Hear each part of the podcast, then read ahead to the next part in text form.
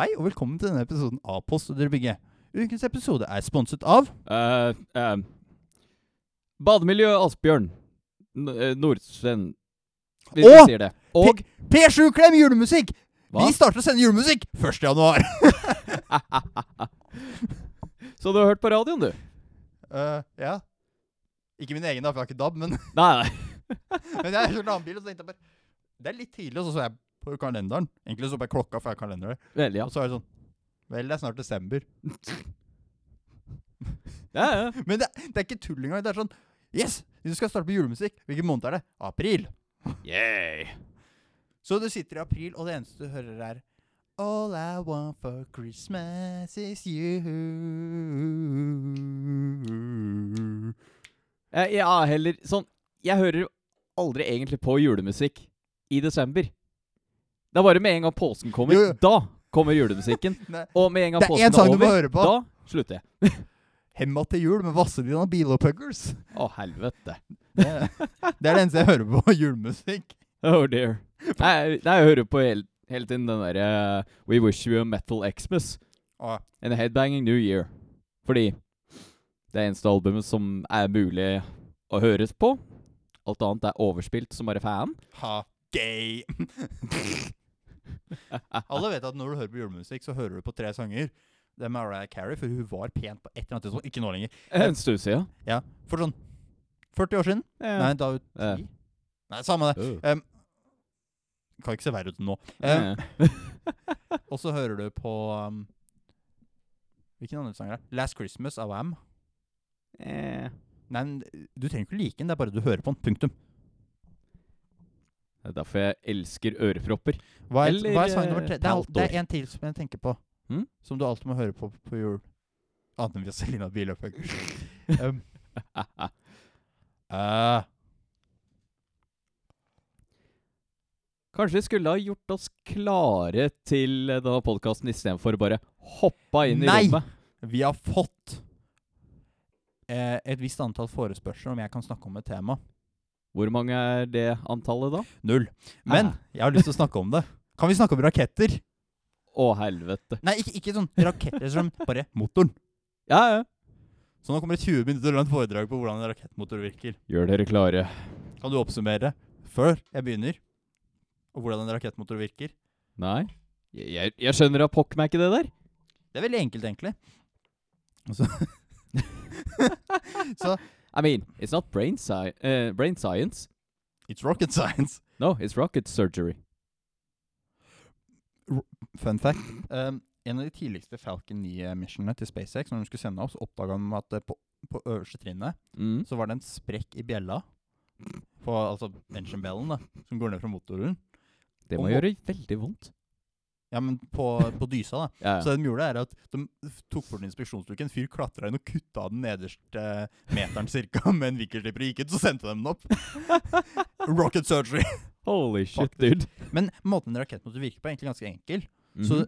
du, har, du kan dele mellom to typer rakettmotor. Enkle tre, men Ja, ja. du kan ha monoprop og biprop. Så du kan enten ha én type eh, drivstoff eller to typer drivstoff. ja, Du ja, Du merket at jeg sier drivstoff, ikke Ikke um, Ikke liksom Hva skal jeg si? Det er ikke fuel, det er drivstoff. Det er to forskjellige ting. Ja, ja, ja. Fordi drivstoff her er ikke bare fuel, det er også oksideringsmiddel. Ja. For en rakettmotor suger jo ikke inn luft fra noe annet sted. Og for å få det her til å si pang, så må du ha et eller annet som eksploderer. Mm. Men hvis du har monoprop, da, Mm. så er det rett og slett at du har et eller annet legeme som du strømmer over et metall, Ah. og så reagerer det og utvider seg, og da blir det høyere trykk, og så skyter det tilbake. Ja. Basically. Eller så kan du ha to um, To propellants, som er vesentlig mer effektive, men Mm. mer stress, for de har to tanker. Ja, jo. Så ut fra hvilken um, Altså ut fra kriteriene for åssen du bygger raketten, så vil jeg en del si. Og da er det selvfølgelig De har noe som er vanligvis sånn hydrokarbonbasert, Ok. som vil si dinosaurer. Um, og så må du ha noe som gjør at det oksiderer. Ja, ja, ja. Så for eksempel, en av de første rakettdrivstoffene ble brukt av um, Hitler. Nice. Uh, han brukte uh, etanol, altså hjemmebrent fra Mm. Trøndelag, Very nice, very nice. og flytende oksygen. Så det som skjer, er at du blander det, Ja, ja. og så eksploderer det. Og da blir det mer masse, og da, må, da skyver det ut en ende. Så klart. Selv om det i dag så er det veldig lite brukt. Det man bruker istedenfor, er RP1. Hva i helvete er RP1? Rocket Propellant 1. Ah, ok. Det er egentlig, um, Så den kom seg ikke videre til toeren. det er egentlig diesel. Det er veldig raffinert diesel. Ah. Fun fact, Jet fuel. i uh, Russland så Mm. bruker du noe som heter RG1, som betyr Rocket Propellant 1 bare på russisk. Men det er ikke det samme. det er en annen formulering. Så det er, det er litt Jeg vet ikke hva som er forskjellen. Det er såpass nærme at du kan teknisk sett bytte det ut. Ja, ja, ja. Men det er sånn ish riktig. Ja. Så det som da skjer, er at de første, altså de enkleste rakettene, da, Mm. det er jo det du kaller en pressure-fed engine. Så det du har da, er at du har tanke med drivstoff i riktig forhold, selvfølgelig. ja, ja.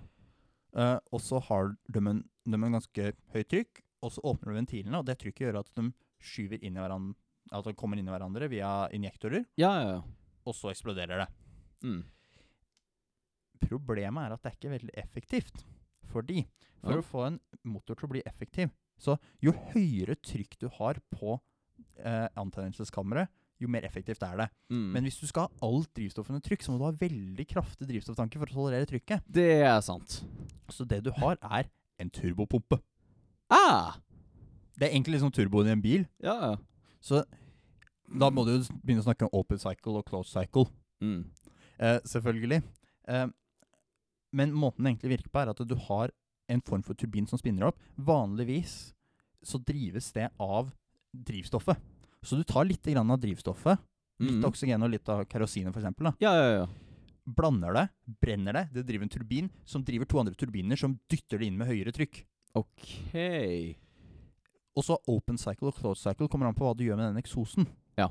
Fordi det som er at du ender opp med den eksosen som egentlig da er bortkasta fuel. Ja, ja, ja. Og en open cycle, da sender du den bare ut på sida. ja. Du bare driter i det. Men en close cycle, så ruter du den tilbake igjen til drivstoffkammeret, sånn at du kan bruke det også for å danne trykk. Ja, sånn at den blir i hvert fall litt mer effektivt. Ja, men mer, men mer komplisert. Ja. Fordi du har mer trykk her som skal virke, og du må ha trykk i Altså turbopumpa og selve drivbrenselskammeret må være riktig i forhold til hverandre. Fordi hvis det er høyere trykk i brenselskammeret enn, i- Ja. enn i det som kalles en preburner, da, Mm. så vil det jo gå baklengs. Ja. Og da sier det boom! Yay! Og så når du kommer til brenselkammeret, ikke sant, mm. så dyttes alt det her inn, så brenner det. Og så snevres det inn. Fordi Mm. eh, Er du klar over hva Bernoullis prinsipp er? Aldri hørt om fyren. Nei. Så Bernoullis prinsipp det, Du veit åssen en vinge er forma, ikke sant? Ja, ja. Hvis du tar en flow, og så gjør områdene skal enda mindre, Mm. så går det fortere. Ja. Fordi akkurat som når et felt er stengt på E6-en Hvis det er tre felt som blir til to, så må du Mm. gå fra 100 til 150 km i timen. Da har du like mange biler som passerer gjennom. Ja. Godt tips. Sånn at uh, når det er ulykker på Kløfta neste gang Hvis alle bare kjører 220, så har du like mange biler som passerer. Men Vel, problemet er at alle har lyst til å se om det er noe lik eller ikke. uansett, rakettmotorer. Ah, okay. ok. Så det snevrer seg inn, ikke sant? Og så har du et punkt hvor det blir supersonisk flow, altså forten lydens hastighet. Og du må huske at det Mhm. er ikke lydens hastighet i luft, det er lydens hastighet i det legemet som du Eller den atmosfæren du nå har lagd. For, og den er jo forskjellig, for det er avgassene fra det du har brent. Mm. Og du må huske at det har veldig mye å si med temperatur, så den er antakeligvis høyere fordi det er ganske varmt der. Ja. Vi snakker 3000-4000 grader celsius. Ja.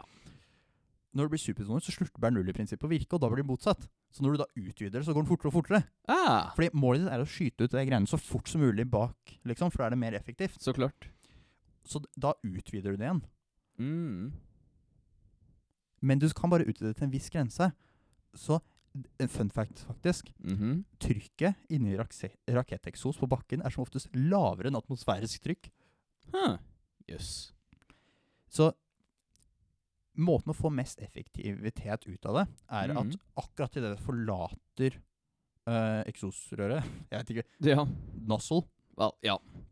så må det være akkurat samme trykk som det er på utsida. Men når du stiger oppover, så vil jo det trykket som er optimalt, endre seg. Så du kan alltid Ja. designe det. Så det du gjør, er at du designer sånn trykk blir litt lavere. Problemet Mm. er at hvis du gjør det sånn det mye lavere, så delaminerer strømmen seg på innsida, og det gjør at hele bjella Ah, uh, rister bare rister som bare pokker.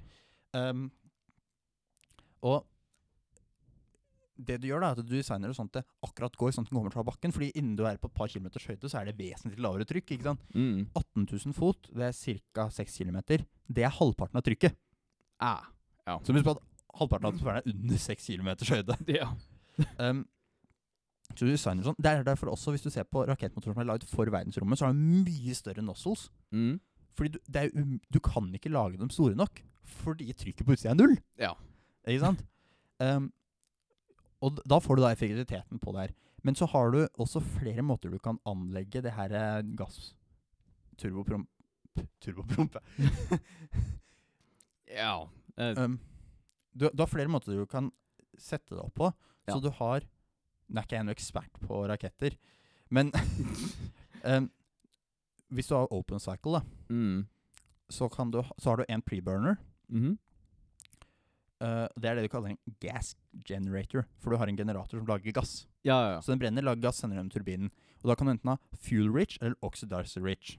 Mhm. Som vil si om du har Du kan brenne det urent, da. Fordi hvis du brenner det på akkurat riktig forhold, sånn at alt forbrenner, så er det veldig høy temperatur. Så det gjør, er at du fører inn mer enn det som skal til av den ene enn den andre. Så da synker temperaturen.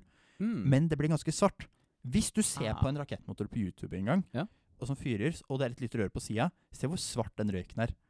Hmm. Hvis den er veldig svart, så Ja. betyr det at det er for mye drivstoff. Hvis du nesten ikke ser den, så er det for mye um, oksygen. OK. Fordi det som skjer er at Når du ikke har nok oksygen, så danner det seg karbonmonoksid og sot som kommer ut. Ja, ja, ja, så klart. Um, fun fact også, de er små dysene. Uh, ofte så kan du You bruke dem keep saying uh, fun fact. Det er morsomt! It's not rocket science But or maybe for you. Uh, men de dysene kan du bruke til å styre. Fordi da slipper du å dreie hele motoren, bare bruker noen små dyser for å styre. Og da kan du ha enaksekontroll på dem. ja, ja, ja. Men du kan også bruke noe som heter en tap-off cycle. Okay. Som er at du sender det ned i Du bare Tap-off cycle er litt sånn omvendt, fordi motoren må være i gang for at det skal virke. Så, så det er litt komplisert å starte. Men det, det du gjør, er at du tar der hvor det, brenn, det brenner, Ja, i ja. kammeret, og så tar du en tap-out og tar litt av gassen og sender den ut. Mm. Um, kjente motorer som bruker det her, er f.eks. RL10. Og Aldri hørt om? RL10 er en av de mest brukte motorene sånn rakettmessig. Ah. Jeg husker ikke hvem som lager det. Sikkert, det er veldig få firmaer som lager rakettmotorer. Det er sikkert Aerojet, Rocketdyne eller noe sånt. Mm. Um, og så har man en, det som er da closed cycle. Mm. Romferja brukte det, OK. hvor du da leder det tilbake igjen. Da mm. også Det du gjør, er at du sender alt. Uh, vent litt. Romferja var vel Jeg husker ikke om romferja Altså RS25-motor, hvis noen har lyst til å se det opp. Um, jeg husker ikke om den er oxidizer rich eller fuel rich i preburneren. Men du sender uansett al Si at du sender alt oksygenet gjennom, ja, og ja. litt grann drivstoff, så ender du opp med masse oksygen som ikke er brent. Og det er det som driver pumpeanlegget. Og så sender du drivstoffet på utsida, så møter det sånn at alt drivstoffet passerer gjennom preburneren. Mm. Men så har du den som er kjempefin. OK. Full flow staged combustion. Og hva pokker betyr det? Det er, altså, det er ikke så komplisert egentlig, men det er veldig komplisert å få til å virke. Mm. Så det gjør at du har to preburnere. Ja. Så du har en preburner som kjører oxygen, oxidizer rich, og en som kjører fuel rich. mm. Så én kjører da nesten alt, alt eh, av fuelen, Ja. og litt grann oxidizer. Mm. Og så når det kommer ut, så har du egentlig forbrent litt grann av det, og så har du for det meste uh, fuel som er igjen. På den Ja, andre så gjør du omvendt. Du kjører nesten all oxidizeren og bitte litt grann fuel, så da får du nesten bare oxidizer, og så møtes de. Så all Ja. fuelen har vært gjennom turbopumpen, og det gjør, det gjør at du får mindre loss. Ah. Kjente motorer som har gjort som eh, bruker denne metoden, er uh, Det er én motor som har flydd med det. OK. Raptor. Mhm. Det har ikke alltid gått så bra. Det er den som Hva skjedde? Nei, nei, det, det er den SpaceX driver og tester nå nede i Buca Chica. OK. Så Mm. de, de har hatt det, de kaller en hard start. Å ja. Som vil si Du trykker for å starte, og så boom! Ja Trenger vel å samle sammen igjen, da. Men det som er litt imponerende med det her, da, mm. er at du vet jo én bar med trykk, det er det samme som én atmosfære. Ja, ja. Så hvis du kjører en pressure fed og sånt, da, mm. så har du typisk kanskje sju eller åtte bar med trykk i drivstoff- eller brenselskammeret. Ja. Raptor-motoren har passert 300. OK. Ser du at det er litt høyere trykk? Eh, ja. Og da skal vi også inn på et annet tema. OK, hva da? Specific impulse. OK. Så det er, no, det er egentlig hvordan du måler effektiviteten til en motor. Mhm. Og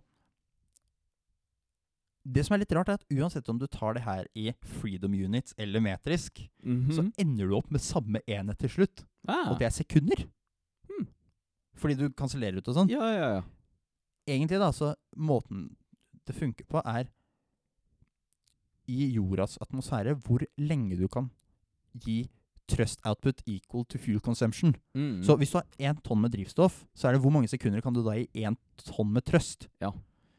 Um, det her er det også litt interessant, da, fordi mm. f.eks. V2-raketten Den brukte en A4-motor, selvfølgelig. Ja. Det er den som eh, engelskmennene fikk hilse på under krigen. den hadde en eh, ISP, da, som det kalles, Mm.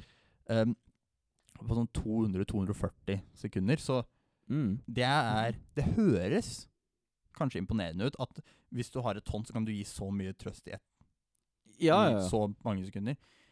200-240 er fordi når du kommer høyere opp, så er det Mhm. mindre trykk, og da får du høyere performance. Ja, ja, ja. Selv om ikke nozzlene er optimalisert for det. Ja. Du kan kjøre med sea level nozzle høyt oppe, og det er fortsatt mer effektivt enn de er på sea level. Yes. Fordi atmosfæren dytter ikke tilbake, så det kommer fortere ut. Ja. du kan også måle det her i kilometer i sekundet. Mhm. Uh, gange det med sånn Du egentlig ganger det med 9,81. Fordi det er tyngdekrafta på jorda. Mm. Eller gjennomsnittet. Ja. Tyngdekrafta på jorda er jo egentlig ikke jevn. Nei, nei, nei. Den er jo Faktisk, Du kan finne sånne topologiske kart, og det er ganske interessant å se på. Mm. Um, men Jeg veit ikke hvor mye 200 sekunder er i kilometer i sekundet, men jeg vil tippe at det er rundt, det er rundt 2 kilometer i sekundet, som er da, hastigheten til eksosen. Ja, ja, ja. Så 2000 Ikke 2000 km, men 2 km i sekundet. Da. Hvor fort blir det? Det er vel ca. 7200 km i timen med eksoshastighet. Mens for eksempel Raptor um, Raptor-motoren Den er jo nå på ca. på 330. Ah. Det er, det er jo 50% høyere. Ja, ja. Men det er også fordi Raptor-motoren bruker ikke RP1. mm. Den bruker metan. Og Ah. forskjellig drivstoff har forskjellig potensial til det. Ja, ja, absolutt. Eh, så du har RP1, som er ganske standard. Mm. eller Kerolox, som det kalles. Kerosene oxygen, Kerolox. Ja. Så har du metan, som brukes av Raptor-motoren, som faktisk er ganske nytt. Det er ikke Ja. veldig mange raketter tidligere som brukte det. For metan er litt sånn Metan er litt sånn som gaffateip. Det er ikke best på noe, men det er sånn greit på alt. Ja, ja, ja. Men det som er veldig fint, er at du kan utvinne fra atmosfæren på Mars. OK. Um, Så Elon veit allerede hvordan han kommer seg tilbake. Dytte opp tommelen. like. uh, nei, Elon Musk skal ikke til Mars. Han har sagt at han drar ikke. Ah, uh, såpass. så det er Methalox, som det kalles. Mm. Men det som har høyest performance, det er noe som kalles hydrolox. OK. Så det er hydrogen som drivstoff, Mm. oksygen som um, som oxidizer. Ja. De fleste bruker oksygen, men interessant nok ikke alle motorer. Fordi du kan bruke fluor, og fluor er mye kraftigere enn oksygen. Seriøst? De gir sånn 30% mer performance. Men det er mye dyrere. Ja, ja, ja. Så spørsmålet er, lager du en litt større rakett? Eller har du veldig dyrt drivstoff? Ja. Eh, men hydrogen, f.eks. romferjemotorene, når de var i em, når de var i vakuum, Mm. så hadde de en spesifikk impuls på sånn 450 et eller annet. Jøss. Og RL10-motoren som eh, Akkurat nå så flyr vel det bare en på Atlas 5 og Delta 4. Mm. Jeg lurer på om For Atlasen kan bruke både én eller to motorer på overtrinnet, avhengig av mission requirement, men de kjører vel en A-serie ved det er én og to B-serie hvis det er to. Jeg vet ikke. Det har noe med at de, de skal ha så lang nozzle at den får ikke egentlig plass i raketten, så de har Det er trukket og så expander det Ah, når de, er, når de kommer opp dit. Eh, jeg tror også de har begynt å teste et C-nozzle, men de kan få spesifikk inn på sånn 465. Og det er selvfølgelig ingenting hvis du begynner å snakke om nuclear rockets. De får mye høyere. Ja, ja, Da snakker vi sånn 900. Ja. Liksom. Um, men det er jo selvfølgelig Hvis du hører det, så tenker du Å, men hvorfor kjører du ikke bare alt sammen på hydrogen? ah, yeah. Veit du hvorfor? Penger? Nei. Mm? hydrogen ut, har utrolig lav tetthet. Så for å ha nok drivstoff, så må da farkosten være mye større. Og da blir tanken tankene i seg sjøl tyngre. Ja. Og det er dyrere, da. Vel, ja. Så det blir en sånn greie. Men en annen ting er at for å holde hydrogen flytende, for du må ha det er flytende, Så klart. så blir det veldig, veldig veldig komplisert prosedyrer og sånt. Mm. Fordelen med kerosin, altså RP1, da, Ja, ja. det er jo at du kan ha det romtemperert. Aha. Det Du skal ikke se bort ifra at det er en god idé, altså. Mm. Uh, og så har du selvfølgelig Russerne var jo litt sånn ehm, De har jo eksperimentert med mye rart. Russerne var faktisk mye lengre foran amerikanerne under den kalde krigen på akkurat rakettmotorer. Okay. For eksempel så er det en motor som heter NK33, som Litt sånn fun fact. Veldig fun. Eh, Ja du vet når du ser eh, Saturn 5 Alle har hørt om Saturn 5, måneraketten til NASA. Jeg trodde bare at det var én En av de planetene, Ja.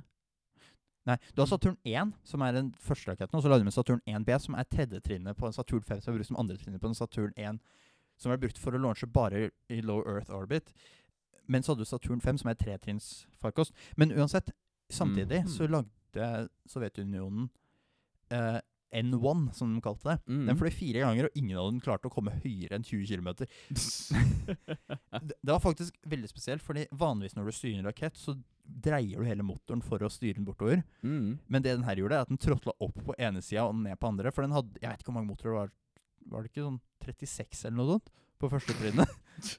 for de, hadde, de klarte ikke å lage en stor nok motor. Ja, For ja, en større motor så blir det veldig ustabilt i brenselskammeret med hvordan det Hvordan det antenner. Ja, ja, ja. Men de lagde en motor som het NK33, som var close cycle Carolox. da Mm. Og etter den kalde krigen så begynte de her eh, De begynte å fortelle om det. Fordi egentlig så fikk de ordre om å destruere det, men de bare satt i et varehus. det er en skikkelig sånn russisk måte å gjøre det på. Ja. Yes, we have this warehouse with engines. Så, og amerikanerne trodde seriøst at de kødda, fordi det er sånn du kan ikke ha så høy performance av det. Ja. Og så fløy de en av dem til USA og satte på en teststand, og så fyrte de av, og så bare I helvete! så faktisk var det mye bedre. Men de eksperimenterte veldig mye med forskjellige ting. Mm. Uh, jeg husker ikke hva det heter, men det er et drivstoff de eksperimenterte med istedenfor RG1, da. Ja. Som ga ca. 15% høyere performance. Og det bruker de fortsatt hvis de skal ha en rakett som må ha mer performance enn det det egentlig får til. Ja, ja, ja. Og selvfølgelig, russerne er jo spesialister på det, fordi de bruker jo en rakett som ble designa på 50-tallet fortsatt.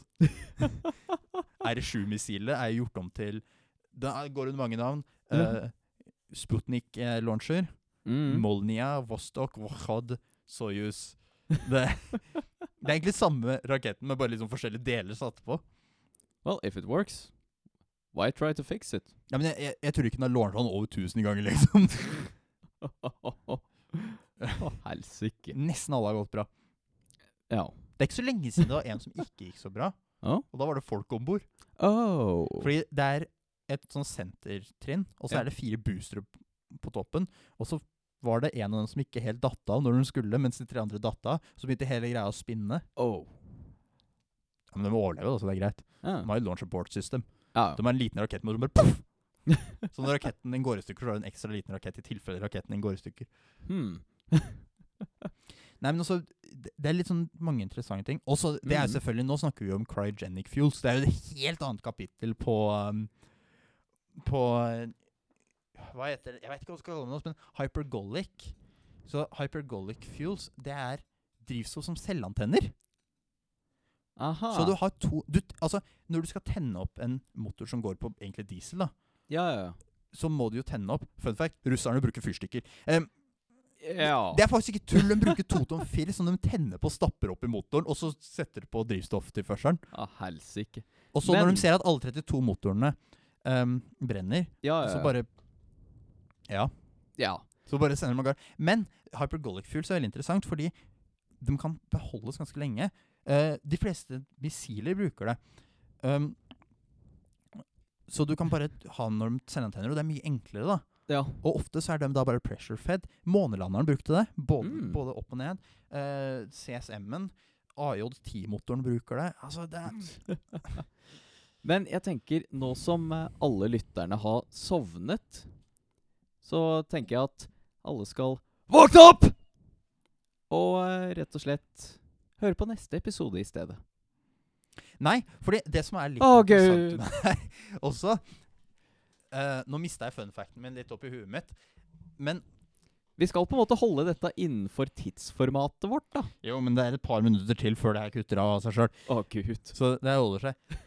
Altså, rakettmotorer er jo fascinerende når du begynner å se på det. Og så har du selvfølgelig halt hele problemet med ullage og sånt i verdensrommet. da, Fordi alt er frittflytende, så er ikke drivstoffet i tanken på riktig ende. Så du må fyre av småraketter for å få, få drivstoffet i riktig ende av tanken før du fyrer opp.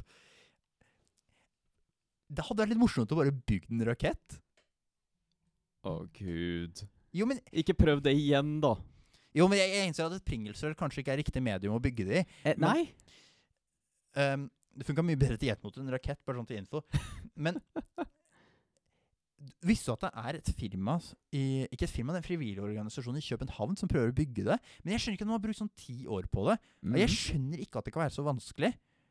Altså, det de har gjort, er at de har prøvd på frivillig basis å bygge en av de mest kompliserte formene. Har prøvd å bygge en closed cycle, Hmm. og de trenger nesten ikke performance, som skal bare free suborbital.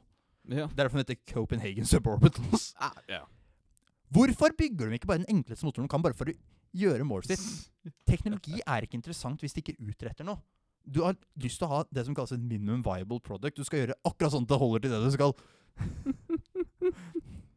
Ha det. Ja.